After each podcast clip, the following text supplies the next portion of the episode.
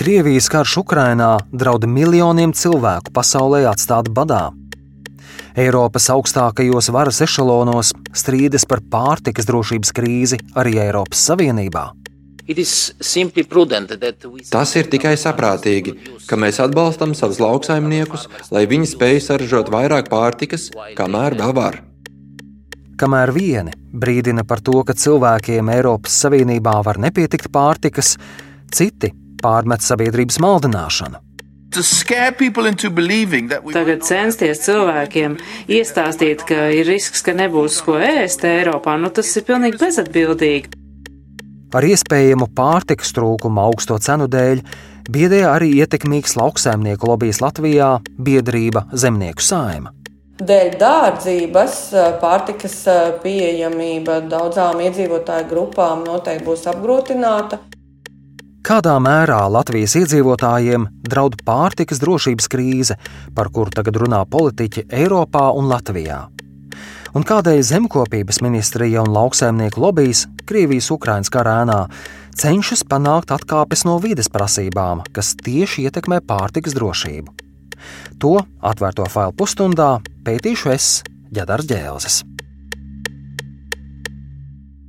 Pirmā daļa - vides indikators.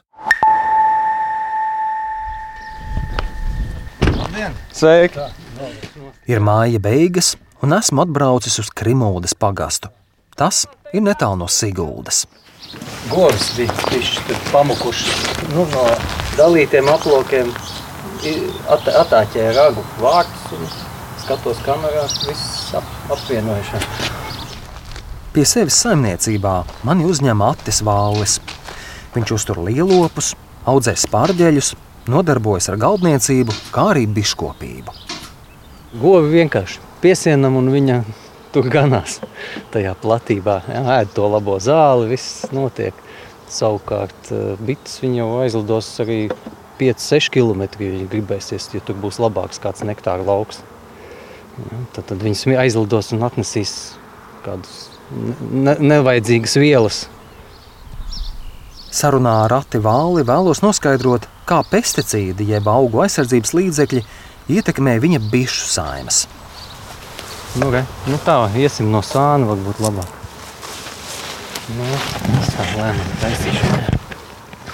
Bišu dravā, kas atrodas piemājas pļavā, viņš pieiet pie viena no bišu stropiem un noņem tam jumtu.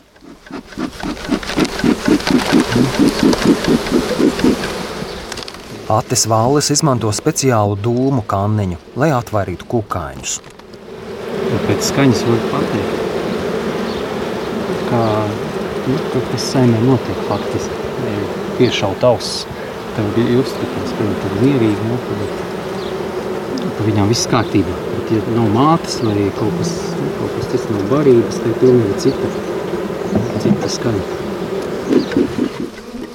Viņa saimniecību ieskauj lauki, kurus apstrādā ar konvencionālām metodēm. Tas nozīmē, ka vietējie zemnieki tajos izmanto minerālu mēslus un pesticīdus tur, kur ir konvencionāli lauki tūmā, tur daudzi rapšus vairāk audzē, var just, ka tās saimes ir vājākas. Dažas no viņa dravām atrodas tālākā apkaimē, kur ir vairāk mežu. Viņš stāsta, ka tajās bišu saimes ir daudz spēcīgākas un kukaiņi labāk pārziemo. Tas to rāda, ka kā bites kā indikators, kā vidas indikators, ja, tad, tad bite saskarās ar visu, visu kas ir šajā apvidū. No tā var, var izdarīt uh, secinājumu. Atis Vallis bija starp deviņiem Latvijas biškopiem, kuri ar savām bišu dravām piedalījās Eiropas mēroga pētījumā. Stāsta Latvijas biškopības biedrības pētnieks Valters Brusbārdis. Mēs mēģinājām izkliedēt šīs drausmas novietnes pa visu valsti. Un izdarījām tā, ka sešas draugas novietnes bija konvencionālās teritorijās, un trīs bija bioloģiskās biškopības teritorijas, kur būtībā mēs varam atzīmēt kā savvaļas teritorijas. Viņš Latvijā ievāca datus, kāda pesticīdi un to darbīgās vielas nokļūst medus bišu saimēs. Nu, Latvijā neviena bišu saima nebija brīva no pesticīdu klātsamības. Valters Brusbārdis stāsta, ka no agra māja līdz septembra sākumam pesticīdi bišu saimēs ir klātesoši visu laiku. Vislielākā aktivitāte un vislielākais vielu skaits, ko mēs konstatējām, nu, tas ir vairāk saistīts ar zemgali, arī kurzemes draugu, kur arī ļoti atradās ļoti tuvu intensīviem laukiem. Darbīgo vielu skaits um, vislielākais ir konstatējams tieši jūnija vidus līdz jūlija vidum. Un tad tas vielu skaits uh, ir bijis saimē pārsniedz desmit darbīgās vielas vienā uzskaits periodā. Viņš bija pārsteigts, ka pesticīdi atklājās arī bioloģiskās lauksaimniecības teritorijās, jo cerēja, ka tās būs tīras. Un tāda viena atziņa, ko noteikti var minēt, kad pesticīdi vidē saglabājās un viņi tik ātri nenodās. Tad, attiecīgi, mēs savās teritorijās arī konstatējām darbīgās vielas, kuras lietotas agrāk, senākā pagātnē. Un, uh, viņas ir vēl joprojām klātsošas. Tas, man liekas, ikvienam ir jāsaprot, tas, ko šodien izsmidzina uz lauka, Tas būs rīt, parīt un arī vēl ilgākā laika posmā. Savukārt to, kā pesticīdi ietekmē bites, zinātnieki ir izpētījuši jau sen. Nu, ja mēs runājam piemēram, par tādu pazīstamu darbīgo vielu kā glifosātu, ko ļoti plaši lieto, un tam ir negatīva ietekme uz medus, bites, zarnu traktu, respektīvi uz barošanas, gremošanas sistēmu. Ir pētījumi arī ar fungicīdiem, kurus mēs Latvijā lietojam, ka bites zaudē orientāciju.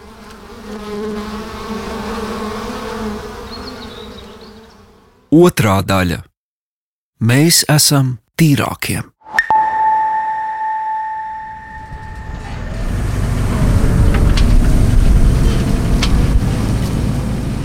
Kāds zemnieks Latvijā miglo lauku ar traktoru. Tas velk piekabi ar lielu tvērtni, kurā ir ķīmiska viela, un ar īpašu aprīkojumu to pamazām izsmidzina uz augstnes.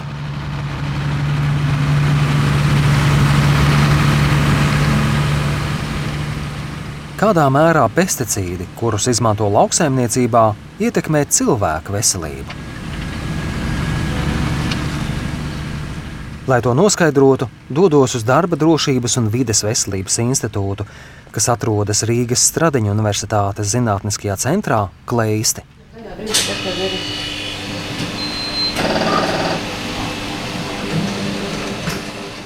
Institūts piedalījās starptautiskā pētījumā, lai noteiktu pesticīdu maisījumu klātbūtni cilvēku organismā. Zinātnieki analizēja urīna paraugus no cilvēkiem Latvijā. Tās ir ģimenes lauku reģionos, kas dzīvo lauksaimniecības zemju tuvumā, un vecāki ar bērniem, kur dzīvo vismaz puskilometra attālumā no šādām vietām. Inese Mārtiņsone ir vadošā pētniece un higiēnas un arodslimību laboratorijas vadītāja. Latvija uz šī mūsu veiktā pētījuma fona, skrīninga pētījuma fona, no piecām valstīm, nu, tātad no Ungārijas, Nīderlandes, Spānijas, Čehijas, piektā Latvija. Mēs esam, nu, ja jūs raugāmies uz cilvēku kompozīciju, kas cilvēkā iekšā ir pēc pesticīdiem, pesticīdu atlīkvielām, nu, mēs esam tīrākie. Viņa stāsta, ka ir kritiski jāizvērtē tas, no kurienes iedzīvotājos nonāk pesticīdu atlieka vielas - no vietējo vai arī ārvalstu lauksaimnieku produkcijas. Pavisam noteikti pastāv saistība starp pesticīdu atliekvielām, kas varētu būt tikt uzņemtas ar citrus augiem. Ir pesticīdu atliekvielas, kas tiek izmantotas vīnogulāju kopšanai, tātad tās ir vīnogas automātiski, ja, ko mēs ieraugam savos cilvēkos. No pētījumā atklātajām astoņām pesticīdu atliekvielām Latvijas cilvēku organismā puse nav saistīta ar Latvijas zemniekiem. Ir arī četri savienojumi, kas būtu attiecināmi uz graudiem, graudu kultūrām. Runa ir par darbīgajām vielām boskalīdu, fludioksonilu un metilpirimifosu. Tās ir sastāvā dažādiem pesticīdiem, kurus Latvijā izmanto, lai apstrādātu rapšus, kviešus, rudzus un citus graudaugus. Vēl ir arī aktīvā viela acetamiprīts, kuru izmanto, lai apkarotu lapgraužus un laputis. Tas pat netik ļoti varētu būt saistīts ar mūsu zemniekiem, bet arī ar to, ko katrs cilvēks savā maisaimniecībā. Jo ir jau vajag reizēm kaut ko tur rozīt, puķītis un apstrādāt ar kaut ko, kas, kas nogalina šos te, nu, kaitēkļus, ja tajā brīdī insektus. Inese Mārtiņsone stāsta, ka atliekvielas no pesticīdiem, ar kuriem apstrādā laukus, atklājās visos pētījuma dalībniekos Latvijā. Tas nozīmē, ka nu, mums jāskatās, ir kāds cits veids, kā cilvēks to var uzņemt. Nu, kā cilvēks to var uzņemt? Nu, viens no tādiem būtiskākiem ir pārtika, tas, ko mēs apēdam. Zinātnieki pētījuma laikā tikai konstatēja, vai cilvēka organismā ir pesticīdu atlieku vielu maisījumi. Bet kā tie ietekmē veselību, to pētnieki vēl tikai plāno izzināt.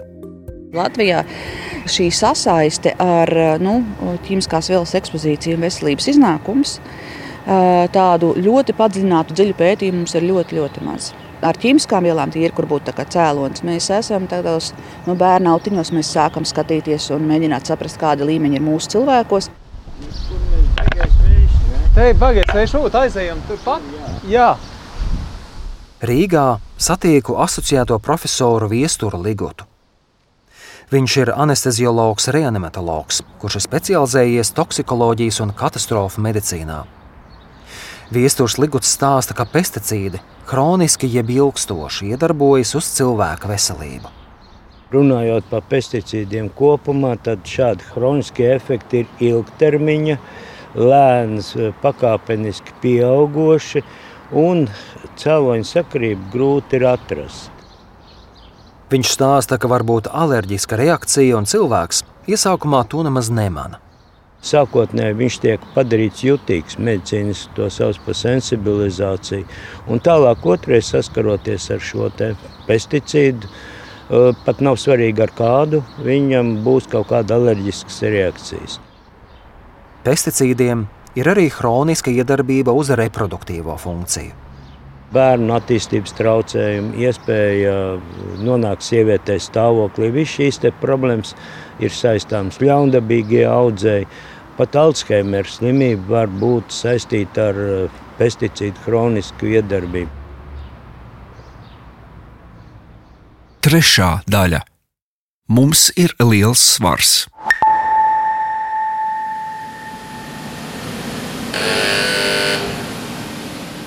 Ir 2020. gada rudens Mūku salas ielā Rīgā. Poligrāfijas uzņēmuma darbinieki iespiedu mašīnā sāk drukāt laikrakstu. Laikraksta Latvijas avīze pielikums Zaļā Latvija. Gribam dzīvot dzīvā zemē. Autore Ilze Petersone. Caur iespiedu mašīnas ruļļiem lielā ātrumā skrien cauri laikraksta 21. septembra numura lapuses. Vienā no atvērumiem ir Latvijas avīzes žurnālistes Ilzas Petersonas raksts. Pesticīdu migla laukos kļuvusi par ierastu skatu. Industriālie zemnieki indē nezāles, kukaiņu sēnītes. Žurnāliste, kura ikdienā pievēršas vidas tematiem, rakstīja par pesticīdu darbīgo vielu glifosātu. Es sazinājos ar Ilzi Petersoni. Glifosāts ir tā aktīvā viela, ko izmanto herbicīdu ražošanā, lai iznīcinātu nevēlamu augu augšanu, ap kultūra augiem, nu, kā mēs tautā sakam, apkarotu nezāles. Viņa stāsta, ka par glifosātiem presē ir jau daudz rakstīts. Es konkrēti uzgāju faktu par um, cūku fermu Ulbroku, Stopiņu novadā, uh, kurā tieši apliecināja ar gadījumus ar, ar cūkām, kuras gāja bojā lielā skaitā tieši tāpēc, ka bija uzturēti lietoti graudi, kas bija īsi pirms novākšanas apstrādāti ar kādu no pesticīdiem, kas saturēja glifosātu.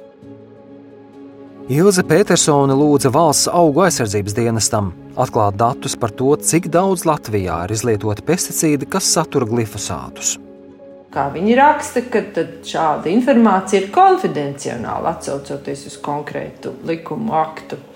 Nu, tāpēc man vajadzēja izmantot par avotu kādu citu uh, informāciju, ko es arī darīju, un tas bija korekts informācijas avots. Kaut arī rakstā nebija faktu kļūdu, Ilza Petersone un laikraksta redakcija saņēma garu sūdzību no biedrības Zemnieku sājuma. Nu, zemnieku saima apvieno mazliet virs 800 lauksaimniekus. Publiskajā telpā savu viedokli aktīvi izsaka biedrības vadītāja vietniece Maira Dzelskalēja Būrmistre. Es viņu arī uzrunāju intervijai. Ekonomiski lauksaimniecības sektorā mums ir liels svars. Biedrības mājaslapā ir rakstīts, ka tā ir ietekmīgākā lauksaimnieku organizācija Latvijā. Arī neoficiālās sarunās man stāsta, ka tas ir jaudīgākais vietējo zemkopju lobbyis. Es jautāju Mairai Dzelskalējai burmistrei, kādēļ zemnieku saima vērsās pret žurnālisti Ilzi Petersoni. Nu, ja žurnālists tiešām pilda profesionālos uh, pienākumus, tad viņš noteikti ir spējīgs uh, analizēt situāciju, izmantot datus un datus pasniegt objektīvi. Un tas bija arī iemesls, kāpēc mēs vērsāmies, jo attiecīgā žurnāliste to nedarīja. Viņa stāsta, ka Latvijā situāciju saistībā ar pesticīdiem jau vairākus gadus kāds sistemātiski un koordinēti uzpūš, bet lauksaimnieki ļoti pacietīgi un ilgstoši nereaģēja. Sākumā zaļās organizācijas uzbrukums vērsta konkrētām darbīgām vielām. Un mēs varam, piemēram, ka glifosāts izraisa vēzi, Pēc uh, Eiropas uh, ķīmijas aģentūras un EFSAS uh, šīm atzina slēdzienu par to, ka glifosāts neizraisa vēzi, fokus tika mainīts uz to, ka Latvijā smidzina pat daudz auga aizsardzības līdzekļus. Viņas prāta, tā ir kāda apmaksāta kampaņa, lai panāktu, ka Latvijas iedzīvotāji vairāk izvēlētos importēto, nevis tīro vietējo pārtiku. Dzelzkalēja burmīstre arī piemina Rīgas Stradiņa universitātes pētījumu par pesticīdu maisījumu klātbūtni cilvēkos. Viņa stāsta, ka tas kliedē mītu, ka Latvijas pārtika būtu tā netīrākā ar pesticīdu atliekvielām. Vienkārši visu laiku tiek atrasts, kā mūsu vietējos lauksaimniekus un mūsu vietējo pārtiku sabiedrībai pasniegt kā sliktu. Aprīļa vidū Rīgas administratīvajā rajona tiesā sākas attālināta tiesas sēde. Labdien! Tiesas sēdi pasludina par atklātu. Tiesnese Ilza Andruškina skata lietu, kura ir ierosināta pēc biedrības ekodizaina kompetences centrs pieteikuma. Biedrība cenšas panākt, lai zemkopības ministrija, kas pārauga valsts augu aizsardzības dienestu, atklāja datus, kādā apmērā Latvijā no 90. gadu sākuma ir pārdoti pesticīdi, kuru darbīgās vielas ir bīstamas videi un cilvēku veselībai. Tas, kas ir problēmas Latvijā, ir faktiski mums nav informācijas. Tā stāsta Jana Simonovska. Viņa vada biedrību ekodizaina kompetences centrs, kas iestājas par ilgspējīgu produktu ražošanu. Mēs zinām lielās grupas, mēs zinām, cik daudz fungicīdu izmanto, mēs zinām, cik daudz herbicīdu izmanto, cik daudz insekticīdu, tātad lielās klases, eh, kas vienīgi raksturo to, kādiem mērķiem šis pesticīds ir domāts. Bet šī lielā klase visai maz pasaka par to, cik eh, šī viela ir bīstama. Lai zinātu, kāda ir bīstamība apkārtējai videi, ir nepieciešams zināt konkrētās vielas bet valsts iestādes uzskata, ka tā ir konfidenciāla informācija, stāsta Jana Simonovska. Tas ir pretrunā ar ārhus konvenciju, kas nosaka, ka informācija, kas ir svarīga, vidas informācija ir pieejama sabiedrībai. Tā nedrīkst būt konfidenciāla. Tiesas process vēl turpinās, tādēļ valsts augu aizsardzības dienesta vadītājs Vēns Azars man atteica interviju. Eurostat dati rāda, ka Latvijā kopš 2011. gada pesticīdu pārdošanas apjomi palielinājās gandrīz par 80%. Eurostat statistikā gan ir piebilde, ka pārdoto augu aizsardzības līdzekļu daudzums tonnās, absolūtos skaitļos, ir ļoti zems. Latvijā aizvadīto gadu laikā ir arī palielinājušās aram zemes platības, kamēr citvietā Eiropā tās ir sarukušas. Ceturtā daļa - pilnīgi bezatbildīgi. Dear colleagues, please.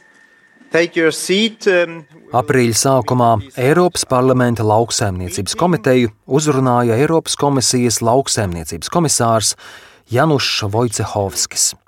As you know, the Commission is part of a united European response Kā jūs zināt, komisija ir daļa no Eiropas vienotās atbildes Krievijas noziedzīgajai rīcībai, kas pārkāpj ne tikai Ukraiņas tautas suverēnās tiesības un starptautiskos likumus, bet rada draudus arī globālajai pārtiks drošībai.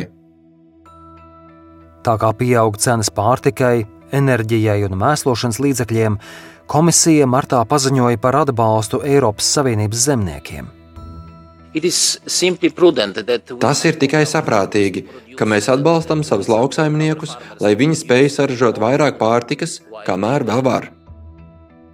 Eiropas komisija, piemēram, atļāva uz laiku zemniekiem apart un apstrādāt ar pesticīdiem tās platības, kuras līdz šim bija atvēlētas dabas daudzveidībai. Tagad censties cilvēkiem iestāstīt, ka ir risks, ka nebūs ko ēst Eiropā, nu tas ir pilnīgi bezatbildīgi. Tā Frans Timermans, Eiropas komisijas viceprezidents, aprīlī sacīja Eiropas parlamenta vides komitejā. Viņš atbild par Eiropas zaļo kursu, stratēģiju, kā sasniegt klimata neutralitāti. Viņš atzīst, ka būs jāraugās, lai kara dēļ Ukrainā neiestājas bats Āfrikā. the need to look at how we make sure that there's no famine in Africa because of what's happening in, in UK. But that's an issue of the function. Tas ir saistīts ar globālā kviešu un kukurūzas tirgu darbību, un tas nav tāpēc, ka kviešu trūkst pasaulē. Rāža bija ļoti laba, un šī gada rāža arī būs laba. Te ir runa par loģistiku un finansēm, nevis par pieejamību. Tam ir jābūt skaidram.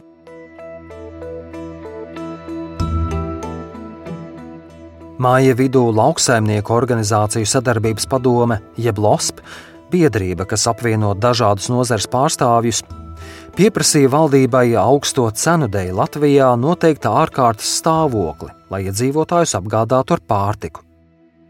Tai arī būtu jānosaka pazemināta pievienotās vērtības nodokļa likme 5% apmērā. Arī Maira dzelzkalēja burmistre no zemnieku saimas stāsta, ka augstās pārtikas cenas rada satraukumu.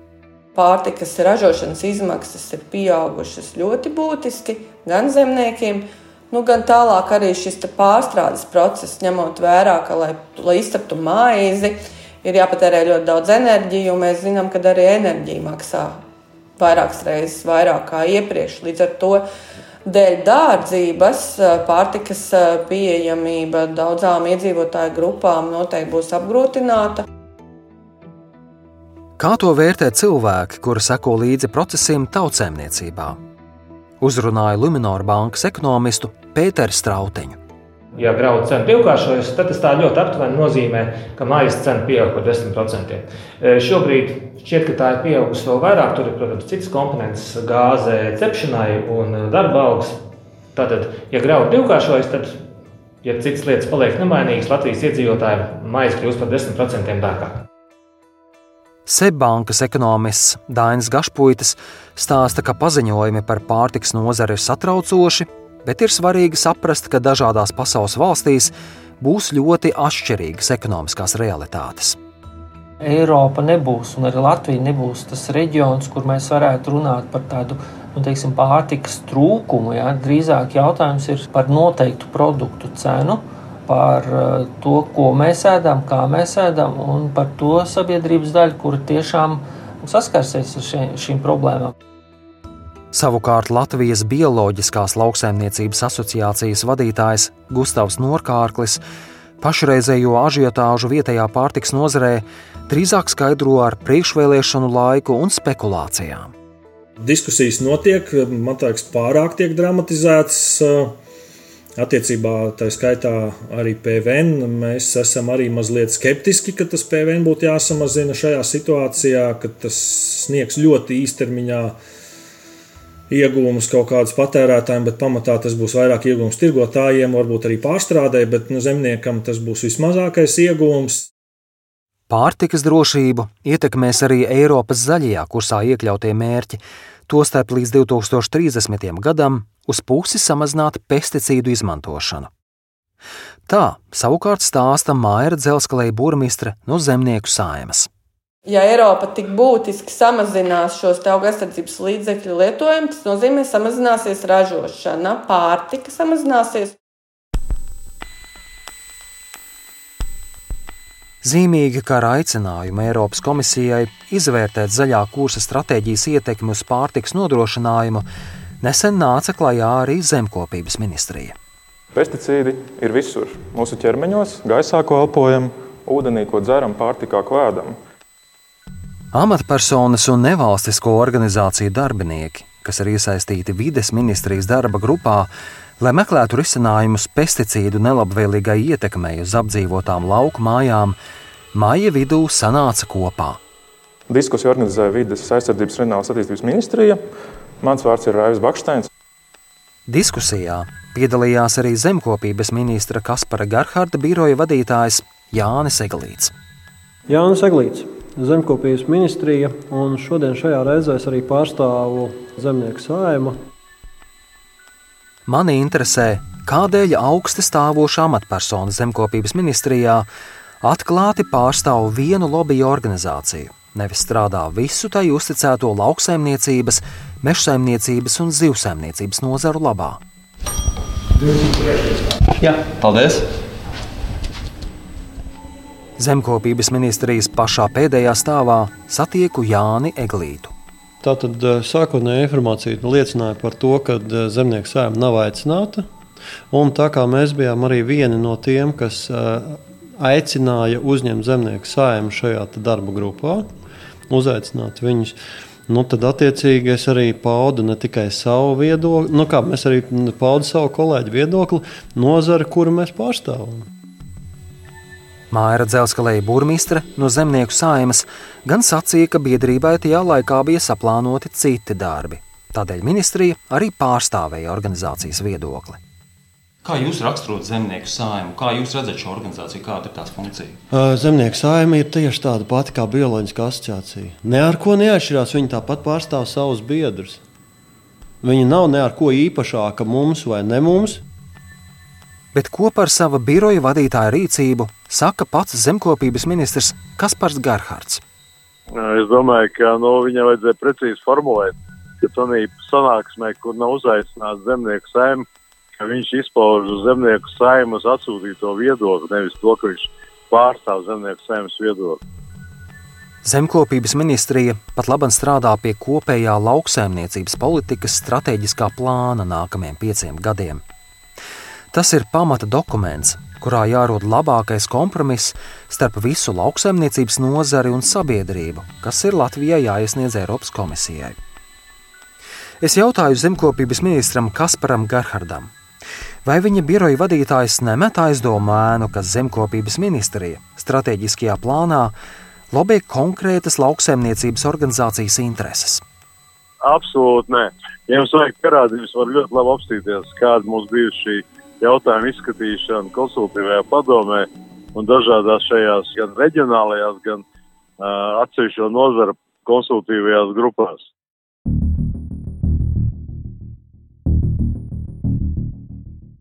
Gerharda minētā lauksaimnieku nevalstisko organizāciju konsultatīvā padome ir zemkopības ministrijas institūcija.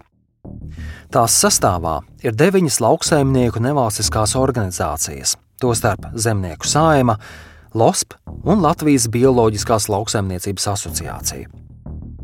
Pēdējo 12 gadu laikā no valsts budžeta tās ir saņēmušas vairāk nekā 5 miljonus eiro.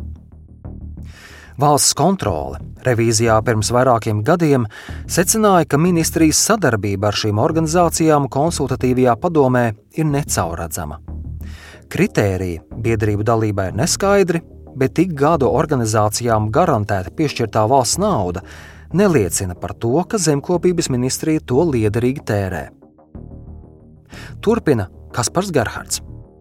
Absolūti caurskatāms uh, process ir bijis. Nu, protams, viņš nav bijis viegls. Protams, bija dažādi viedokļi, bet uh, es domāju, ka visām organizācijām, visām nevalstiskajām organizācijām, visām pastāv organizācijām ir bijusi iespēja izteikt. Raidījumu veidoja Ģedars Ģēlzes, Filips Lastovskis un Reinis Budze. Atvērtie faili!